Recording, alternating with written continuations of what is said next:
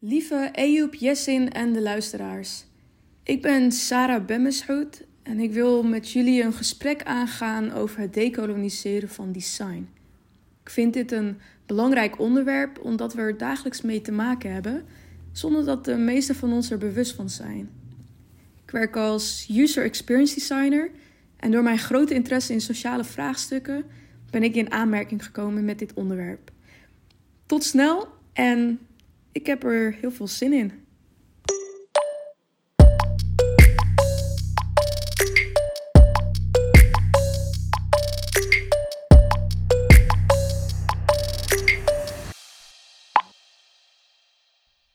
Welkom bij de Spraakmemo, de podcast waarin Ejoep en ik een gast beter leren kennen. Vandaag hebben wij aan tafel Sarah. Welkom Sarah, leuk dat je er bent vandaag. Dankjewel. Wie ben jij? Um, nou, mijn naam is Sarah. ik woon in Amsterdam. Ja. Uh, ik ben 27 jaar oud. Nou, we hebben de basics gehad. Uh, en ik ben UX-designer. Leuk. En wat houdt dat in? Um, ik ontwerp en doe onderzoek naar digitale producten. Mm -hmm. um, denk dan aan een website, een app, maar ook nieuwe technologieën. Dus virtual design. ja, daar hou ik me mee bezig. Leuk. Vet. En, en, en uh, je zegt, je houdt je bezig met design, ja, uh, ja, vooral virtual design. Wat is design eigenlijk? Um, dat is een heel breed begrip. Mm -hmm. um, design, nou letterlijk vertaald is dat ontwerpen, dus iets wat wij maken. Um, maar je kan het echt veel breder trekken. we hebben het hiervoor uh, voor al gehad. Mm -hmm. de manier hoe wij praten is ook vorm van design. Dus taal is ook ontworpen en bedacht door de mens. Mm. Um, dus ja, design is iets waar je. Um, het is een sense. Ik ga trouwens heel veel met Engelse woorden praten. um, maar het is iets wat je kan sensen. dus je kan het zien. Hè? Kunst bijvoorbeeld. Ja. Uh, gebouwen, auto's, dat is allemaal ontworpen. Je kan het voelen. -hmm. uh, textiel, stof. -hmm. Uh, ook een vorm daarvan. Of je kan het horen. Ja. Sound design. Deze podcast bijvoorbeeld. Oh, ja. Is ook ontworpen. Ja. Dus alles wat je kunt maken. Ervaren. Ervaren. Oké, okay. en dat, dat houdt jouw baan in? Ja, ja. Okay. Ik wil niet zeggen dat ik alles doe wat ik net heb opge opgenoemd. Maar um, ja, de vraag was, wat is dan design? Um, design is alles wat wij kunnen ervaren om ons heen. Mm -hmm. Ja. En, en uh, je zegt, je doet natuurlijk niet alles. Waar focus jij je dan voornamelijk op qua design? Um, nou, qua werk digitale producten. Mm -hmm. Mm -hmm. um, maar ik vind het veel leuker om het te hebben over mijn hobby's. okay. um, ik maak namelijk tapijten. Uh, die ontwerp ik ook. en ik maak muziek. Mm. en spoken word. Dus ja. dat is allemaal ja, vormen van ontwerpen, vind ik. Ja. Ja. En is dat dan uh, voortvloeiend vanuit je baan? Is dat, heb je dat zeg maar ontdekt sinds je dat doet in je baan? Dat je zo verschillende manieren hebt van kunst eigenlijk ervaren? Dat je dan ontdekt van, hey, dit vind Girl. ik leuk. This goes way back. Oké, okay, dit is iets Well, take us. ja, nee, als kind al. Um, ah. Dit gaat waarschijnlijk niet over decolonizing design, maar um, als kind was ik al bezig met hoe dingen eruit zien. En ik was, als, zeg je dat? Als ik een product had, dan mm. ging ik dat, ik wil niet zeggen kapot maken, maar ontleden. En dan mm. kijken hoe dat dan weer in elkaar past. Oh, en, ja, ja, je hebt altijd van die kinderen, Juist, die had je op de basisschool, die ja. dan, dan kregen ze iets en dan was het ineens open. En dan gingen ja. ze ineens ernaar kijken en dan vertelden ze erover. Ja. Jij was dus zo ja. Ja, ja, inderdaad. En dan zet ik het weer in elkaar en dan zei ik, dat heb ik gemaakt. Oh ja, ja dus die heb ik bij kids. Juist, ja, ja, dus, ja. Uh, en dan ging ik het meteen claimen inderdaad. Ja, maar goed, ja, um, op latere leeftijd kwam ik gewoon achter dat, um, dat ik twee onderwerpen heel erg interessant vind. Mensen en creativiteit. Hmm. Um, dus mensen als in uh, hoe wij met elkaar communiceren, of de dynamieken uh, in de samenlevingen, uh, of discussies. Mm -hmm. Um, aan de andere kant heb je dus creativiteit. En dat is echt mijn praktische gedeelte uh, van mijn identiteit, I guess. Mm -hmm. ja. um, dat is dus dingen willen maken. Ja. Um, ja. En het moet tastbaar zijn wat je maakt. Ja, inderdaad. Want je maakt tapijten, zei je bijvoorbeeld. Ja, ja. vet. En, en, en eh, neem ons even dan mee in zo'n proces van... Stel, je gaat een tapijt maken of eh, eh, je bent spoken word artist ook. Je Ja. gaat iets schrijven of wat dan ook. Hoe, design je zo'n tapijt? Hoe design je zo'n tekst? Ehm, vaak vanuit een emotie, ehm, heb ik gemerkt. Hmm. Ehm, en die emotie eh, vertaal ik door naar een concept. Mhm. Dus dat is dan het verhaal van oké, wat wil ik dan maken? Of wat wil ik overbrengen? Mhm. En wanneer ik dat eenmaal eh, concreet heb, ga ik aan de slag. Van oké, maar wat is dan de beste manier eh, om daar iets van te maken? Ehm, en dan maak ik daar variaties op uiteindelijk. Meestal laat ik het ook nog even aan vrienden zien. Van hè, een beetje feedback krijgen. Hmm. Ja. Is dit mooi zo? Is Ja. ik het anders doen? Ehm, en dan uiteindelijk ehm, ga ik het maken. Ehm, dus om het concreet te vertellen, ehm, ik denk erover na in woorden. Ik schets het pen op papier of met Mhm. mijn iPad. Ehm, daarna geef ik het vorm digitaal. Mhm. En wanneer ik dat rond heb, gaat het op textiel. En dan maak ik daadwerkelijk dus met tapijt. Mhm. Ja. Dus het begint echt, het startpunt is gevoel. Ja, Dus inderdaad. je, je moet iets voelen voordat je iets gaat Ja. creëren. Iets Een motivatie designen, misschien Een motivatiebeschrijving. Eh, terug naar dat gevoel. Eh, in jouw intro-memo hebben we gehoord Ja. dat je je bezighoudt met sociale vraagstukken in je, in je baan. En eh, waarschijnlijk ook in je hobby's. Hoe komt dat? Wa- Waar ga je dan precies mee bezig het hebben over sociale vraagstukken? Ehm, nou, zoals ik hiervoor al zei, alles om ons heen is gemaakt. Mhm. Right? Ehm, als ik daar nog verder op inga, alles is dus gemaakt door de mens. En wij mensen hebben allemaal onze eigen bagage. Of een manier van denken. We hebben eh, nou, een politieke voorkeur bijvoorbeeld. Ehm, we zijn gewoon complexe wezens. Ja. Met deze bagage gaan wij naar werk. En uiteindelijk, als jij ontwerper bent, beïnvloedt dat je werk vaak. Daar ben je niet altijd van bewust, maar toch gebeurt dat. Ja. En ehm, op het moment dat jij ehm, dat alleen doet, heeft dat input op wat je maakt. Op het moment dat je dat met een team doet, Mhm.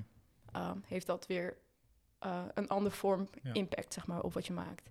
Dus dat is heel belangrijk. Dus het is heel belangrijk om te weten wie het maakt. Mhm. Ehm, dus waar het vandaan komt. eh, en wat de intentie is uiteindelijk. En wat er dan uiteindelijk uitkomt. Ja. Ehm, en dan het stukje vooroordelen bijvoorbeeld. Mhm. Ehm, het is heel belangrijk om daar ook van bewust van te zijn. Want mm, als we het hebben over ontwerp, we kunnen het hebben over een mooie schilderij, wat impact heeft of kan hebben op de mens. Maar het is ook een auto bijvoorbeeld. Dat is ook ontworpen en dat heeft ook impact op de samenleving. Mhm.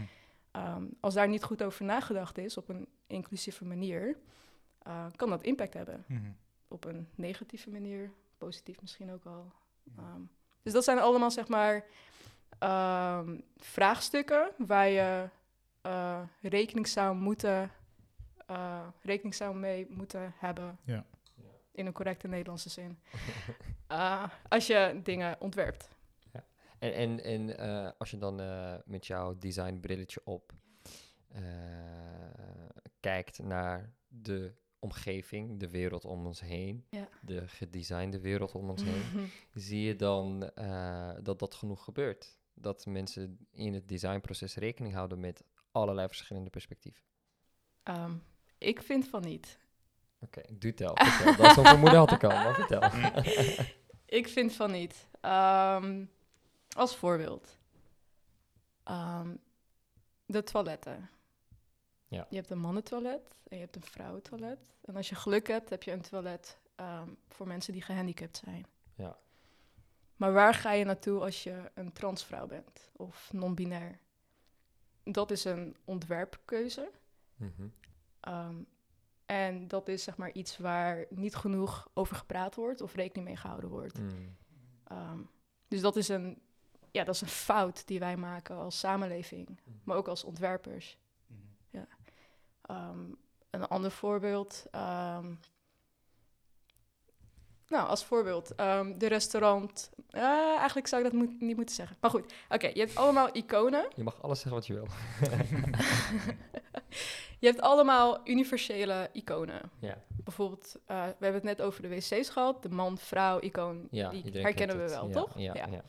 Die zijn al fout op zichzelf, ehm, vanuit een inclusieve perspectief. Maar dat tezijde. Ehm je hebt er ook één wat gaat over, of wat het restaurant wilt uitbeelden. Kan je dat voor je halen, hoe dat eruit ziet? Als je langs de snelweg rijdt met de auto. Ja. Volgens mij mes en vork, toch? Ja, exact. Op zich zou je denken, daar is niks mis mee. Ja. We begrijpen allemaal wat Alles dat betekent, Ja. right? Want hier in het Westen eten wij met mes en vork. En dit is een universeel bord, Ja. teken. Ja. Maar als Marokkaans zijnde, ik weet dat ik mijn tagine eet met brood. Ja, er komt geen mes en vork Ja. te sprake Moet een daar. tasje in coach zijn, toch? Snap je? En in Azië met chopsticks. Exactly. En daar eten ze met... En niet iedereen, handen. What Ja, about hands? Like Ja. gewoon je rijst pakken. Ja. Weet je, geen mes en vork of chopsticks inderdaad. Ja. Dus wij leggen, of wij als Westen leggen dat op eigenlijk. Van hè, dit is het universele beeld van eh, eten. En that's how it goes. Mm. En, en, en dat zijn dus voorbeelden, concrete voorbeelden van eh, eh, manieren waarop we dus in de designwereld of in de, de wereld om ons heen Ja. geen rekening houden met verschillende belangen, verschillende perspectieven. Ja. En misschien wel, dat weet ik niet. Maar er is een keuze gemaakt waarom ehm, ehm, dat er uiteindelijk niet gekozen is voor een wat inclusievere Ja. ehm, ontwerp. Hmm. Misschien wel, misschien niet. Maar be- be- besta- dan, dan eh, zegt de eh, een beetje kritische persoon in mij van bestaat dat Hmm. wel? De volledig inclusieve bijvoorbeeld icoon. Ik vind dat een mooi voorbeeld. Ja, Voor de Olympics eh, heb je ook iconen voor de verschillende sporten. Die worden Ja. door ieder land eh, eh, wat het organiseert altijd opnieuw gedesigned. Ja. Ze proberen vaak daarin elementen van hun eigen cultuur daarin te verwerken. En ik zag een mooi filmpje over Japan. Die had vorig jaar of dit jaar de Olympics georganiseerd. Eh, en dan zie je eigenlijk hoe de evolutie is van die logo's en van die iconen voor de verschillende sporten. En dat het eigenlijk per land altijd verschilt hoe ze het weergeven. Ja. Terwijl het is een internationaal. Event, wat gewoon een mondiaal event is. Ja.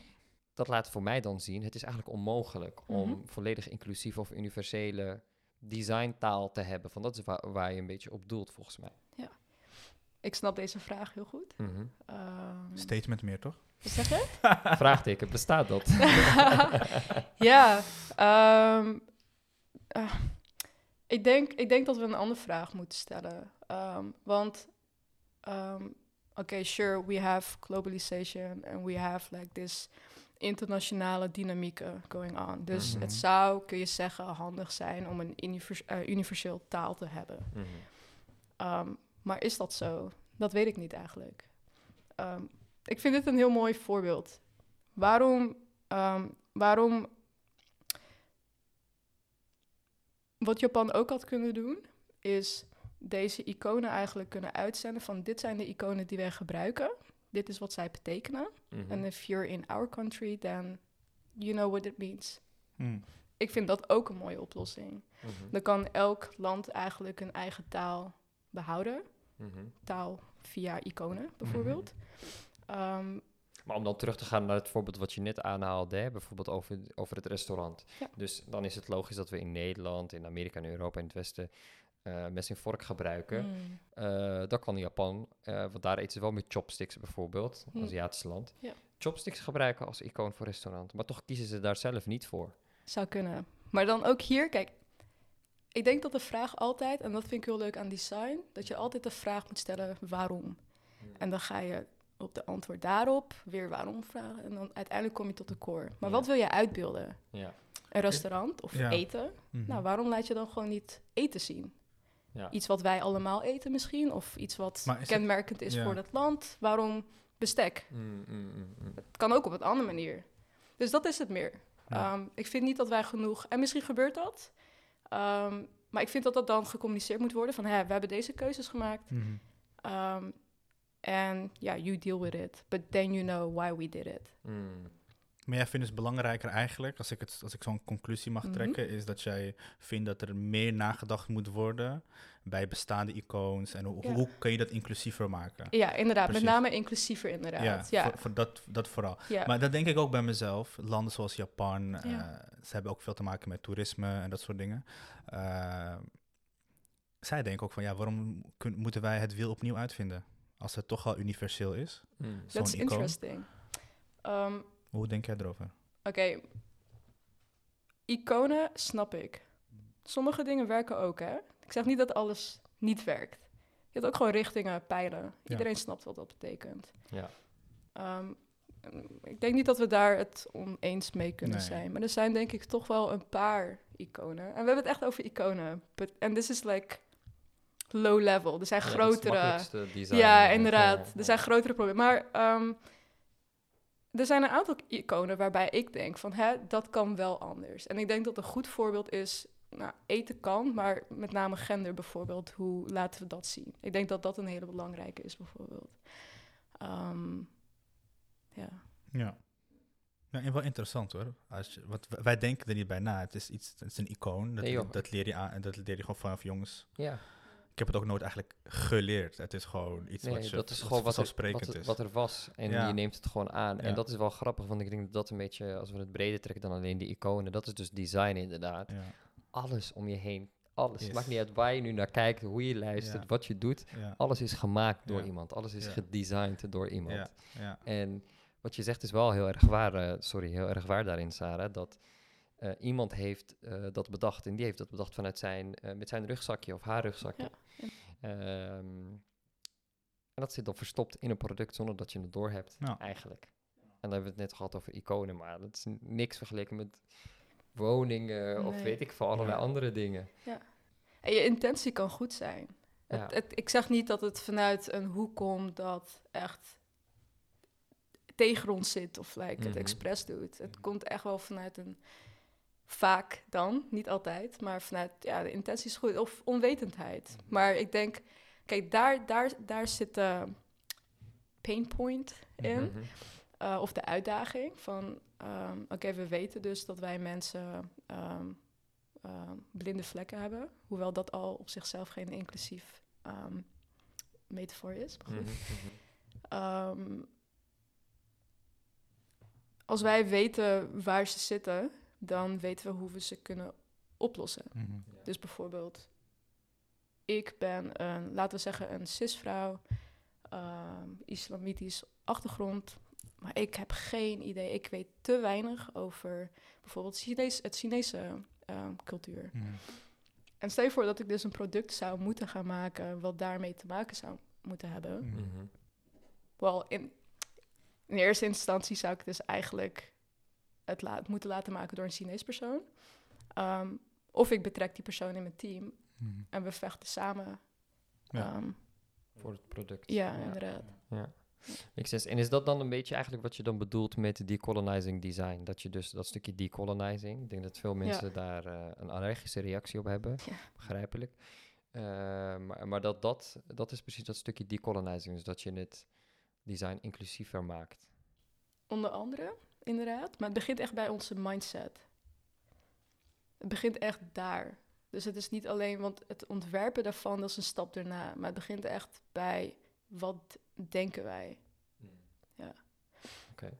Een goed voorbeeld daarvan. We keken net naar een schilderij. Ja. En daar heb je echt lovend over verteld. Dankjewel. Dat is mijn favoriete schilderij, vaker benoemd in deze podcast. De bedreigde zwaan van Jan Asselijn. ja. Um, dat is ook design. Een kunstwerk is ook design, mm. right? Mm -hmm. um, er zijn bepaalde keuzes gemaakt. Er is een concept, er is een verhaal. Mm -hmm. um, er is een boek, uh, Ways of Seeing, van John Berger. Ik weet niet of jullie dat boek kennen. Het is echt een aanrader. Um, dat boek wordt vaak gebruikt in, in de designwereld. Hij geeft bijvoorbeeld een voorbeeld over um, um, schilderijen waarbij naakte vrouwen werden geprojecteerd. Um, dat die altijd voor de aanschouwer werd gemaakt. Mm -hmm. En de aanschouwer was vaak een man. Mm. Dus wij zijn eigenlijk opgegroeid met het beeld dat de vrouw in beeld altijd verleidelijk kijkt naar de man. En Hmm. vaak een witte man. Cis witte man. Mhm. Dit is dan zeg maar rond de tijd van de 16e eeuw ongeveer. Mhm. We zijn nu eeuwen verder, maar we zitten nog steeds in die male gaze of hoe mannen bijvoorbeeld ehm, naar vrouwen kijken. We zijn zo opgevoed en hier denken wij niet eens aan. Mhm. Misschien als vrouw voel je dat wel aan van hè, ik voel me onveilig of Ja. ik voel iets. Ehm, maar dat zit echt in de mindset. mindset. Hmm. Van ik voel mij aangekeken. Ik weet niet zo goed waar dat vandaan komt. Ehm, maar zo ben je opgegroeid en zo ga je het leven in. En, maar dit gaat al eeuwen, eeuwen, eeuwen terug eigenlijk al. Ehm, dus vandaar dat ik dus eigenlijk zeg van het, het ehm, we moeten niet per se alleen het ehm, design decoloniseren, maar het begint bij onze mindset. Ehm, keep an open mind. Ik denk dat dat de boodschap uiteindelijk is. En dat gecombineerd met er is geen, zeg je dat, universele taal die vaak op dit moment eurocentrisch is. Ik denk dat het daarmee te maken heeft. Alright. Dus, dus, dus als ik je eh, samenvattend, voordat we naar die break gaan, die Jessin wil Ja. introduceren natuurlijk. Heb je al Eh, gedaan zojuist? Loki. Nee, dus wat je zegt eigenlijk, Sarah, als ik een plat sla, is... eh decolonizing gaat niet eens zozeer over de grote dingen... of een eh, grote beweging of iets heel groots. Het begint al eigenlijk in hele, op een hele kleine manier... en dat is je eigen mindset die je hebt... in hoe je naar de wereld kijkt eigenlijk... en wat je meeneemt en wat niet. Verandering begint bij jezelf. Ja. Ja, mooi gezegd. Het begint bij jezelf, jongens. En nu begint ook de pauze. Tot na de break.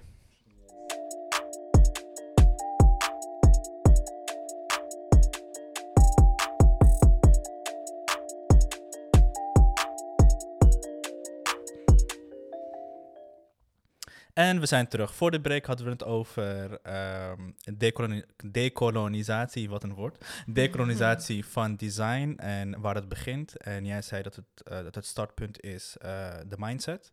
Eh, nou, nu ben ik benieuwd, hoe, hoe gaat dat? Hoe is zo'n proces in je brein? Ehm, nou, wanneer je geboren wordt. ehm, sorry, dat is mijn stoel. Zo.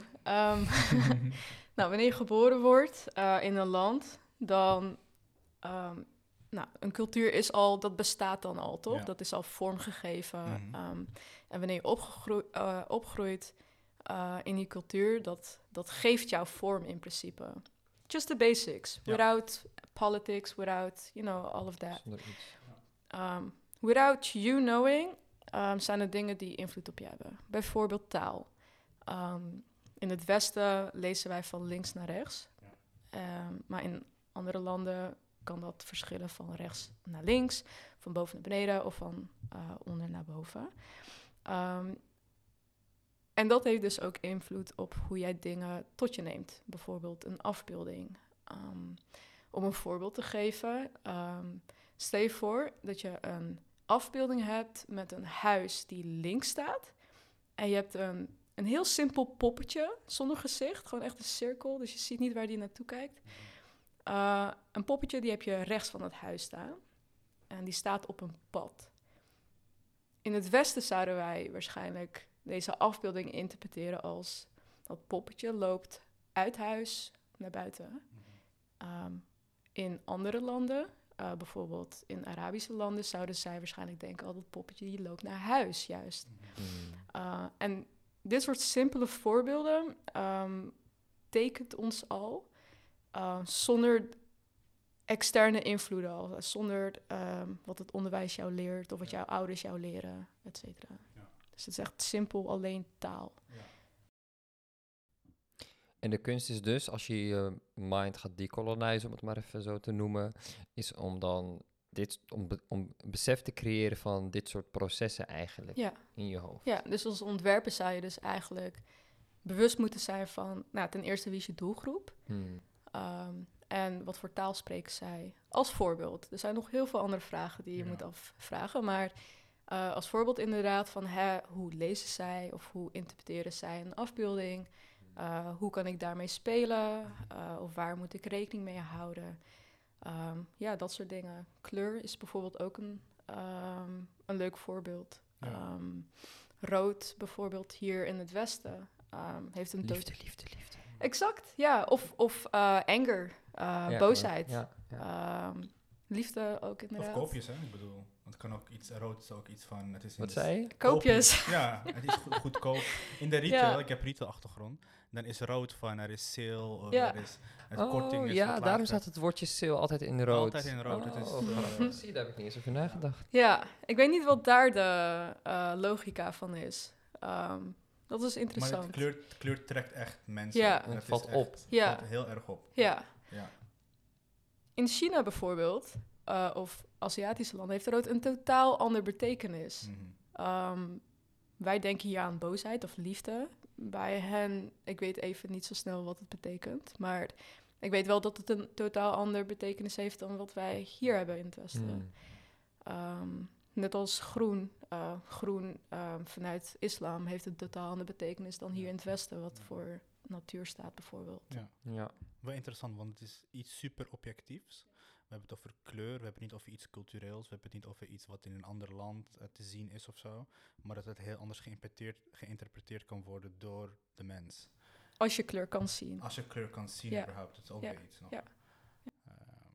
Ja, Ja, en dat gaat volgens mij ook door in je taal, hè? Want je, je hebt het net al over taal, hoe je dan dingen interpreteert.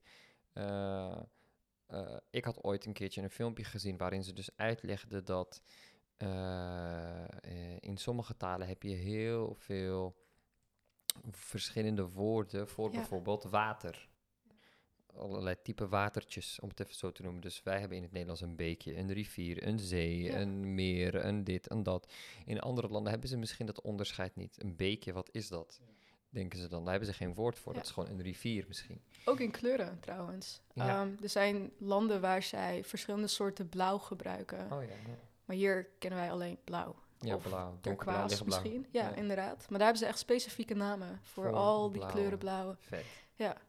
Ja. En dat ver- verandert natuurlijk dan ook hoe je eh, naar de wereld om je heen kijkt. En dus ook hoe je de wereld om je heen vormgeeft. Van dat is wat Mhm. design uiteindelijk is. Mhm. Ja, En daar heb ik eigenlijk, eigenlijk wel een vraag over, eh, Sarah. Ehm, eh, om jou wat persoonlijker ook beter te leren kennen. Ehm, eh, s- schets eens een beeld van eh, bijvoorbeeld een tapijt wat je onlangs hebt gedesigned. Gewoon even voor de leuk om even jouw leefwereld in te stappen en Leuke door jouw bril te kunnen kijken. Een hele leuke vraag. Ehm, ik heb recent een tapijt gemaakt ehm, die mij heeft geïnspireerd vanuit ehm, het Arabisch alfabet. Ik heb namelijk een ontwerp gemaakt van letter uh, Mhm. als ik het goed uitspreek. Mhm. Het is een A en daarmee eindig je een woord. Ehm, en het is een cirkel met daarboven twee puntjes. Mhm. Dus het lijkt eigenlijk op twee ogen en een grote mond bijvoorbeeld.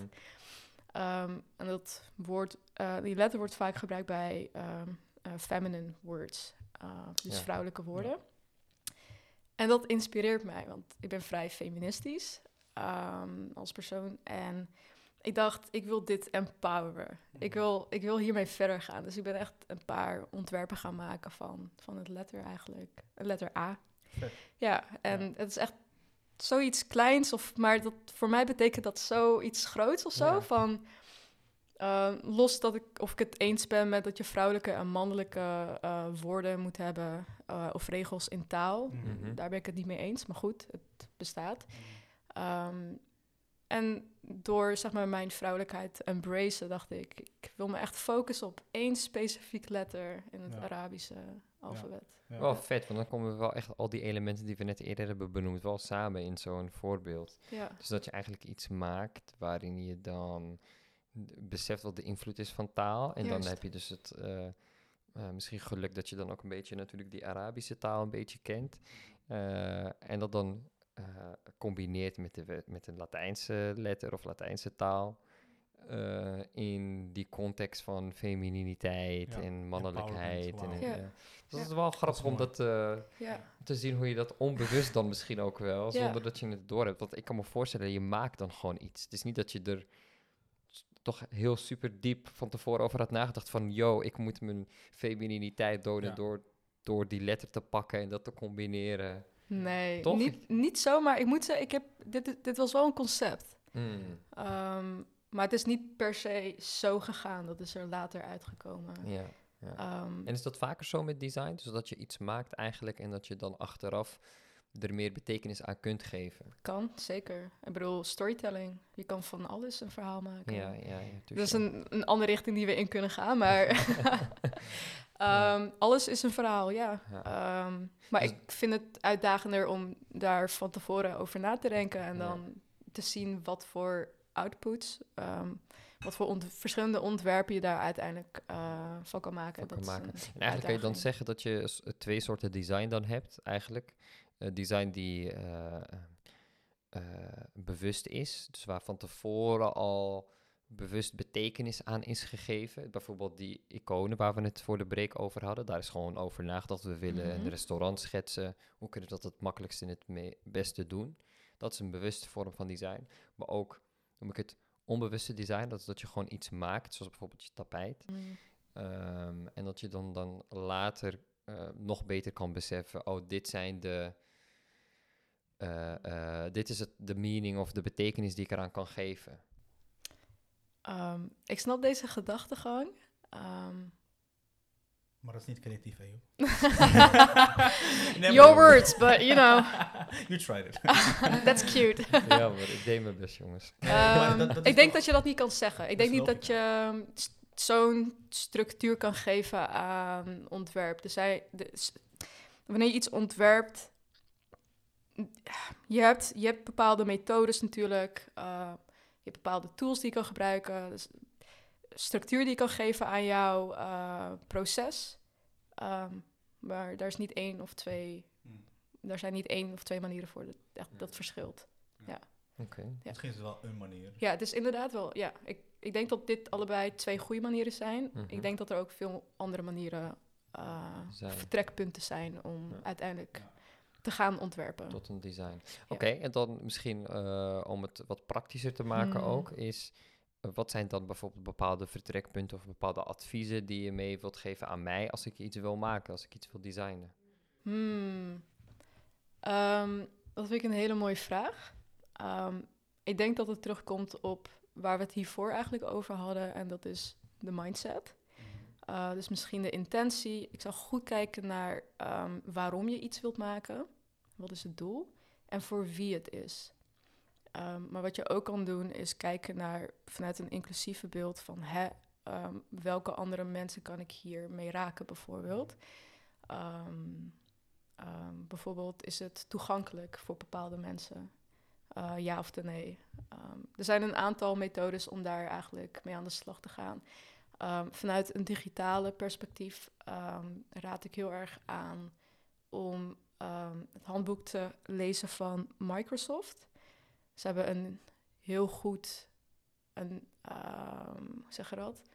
Uitgebreid handboek gemaakt hoe je een inclusief en accessible, dus een toegankelijk uh, digitaal product kan maken. Hmm. En uh, toegankelijk betekent niet per Gebruikt se. Apple dat ook?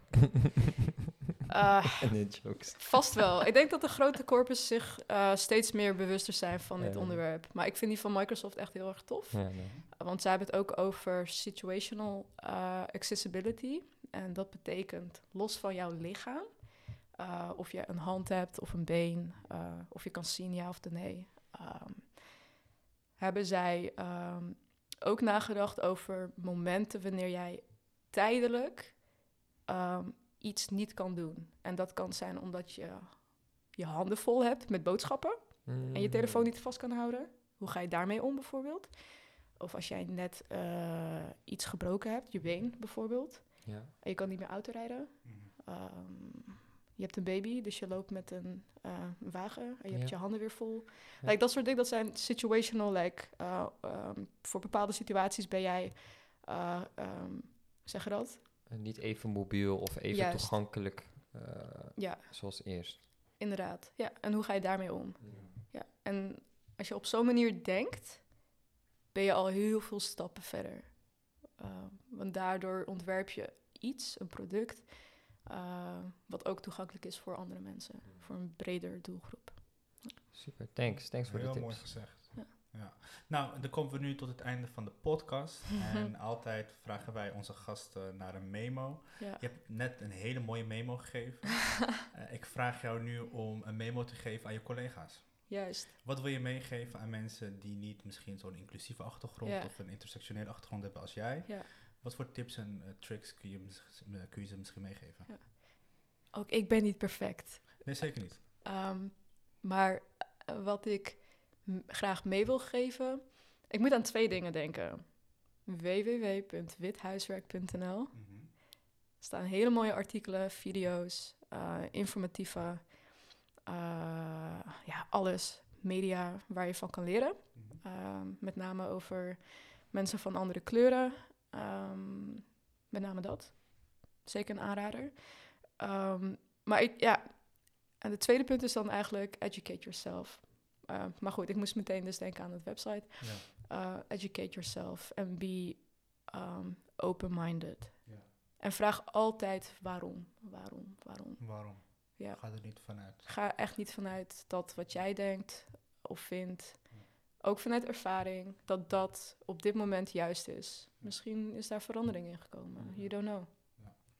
Dankjewel Sarah, ik ben echt super, ja, me heel creatief ineens. eh, Nice. Geïnspireerd en heel fijn dat je dit eh, wilde doen. Jullie bedankt. Ja, thanks, thanks Sarah. En ehm, ben jij nou ook geïnspireerd als luisteraar? Wil je samen met ons iets maken eh, en iets designen in het kader van wat Sarah net allemaal heeft verteld?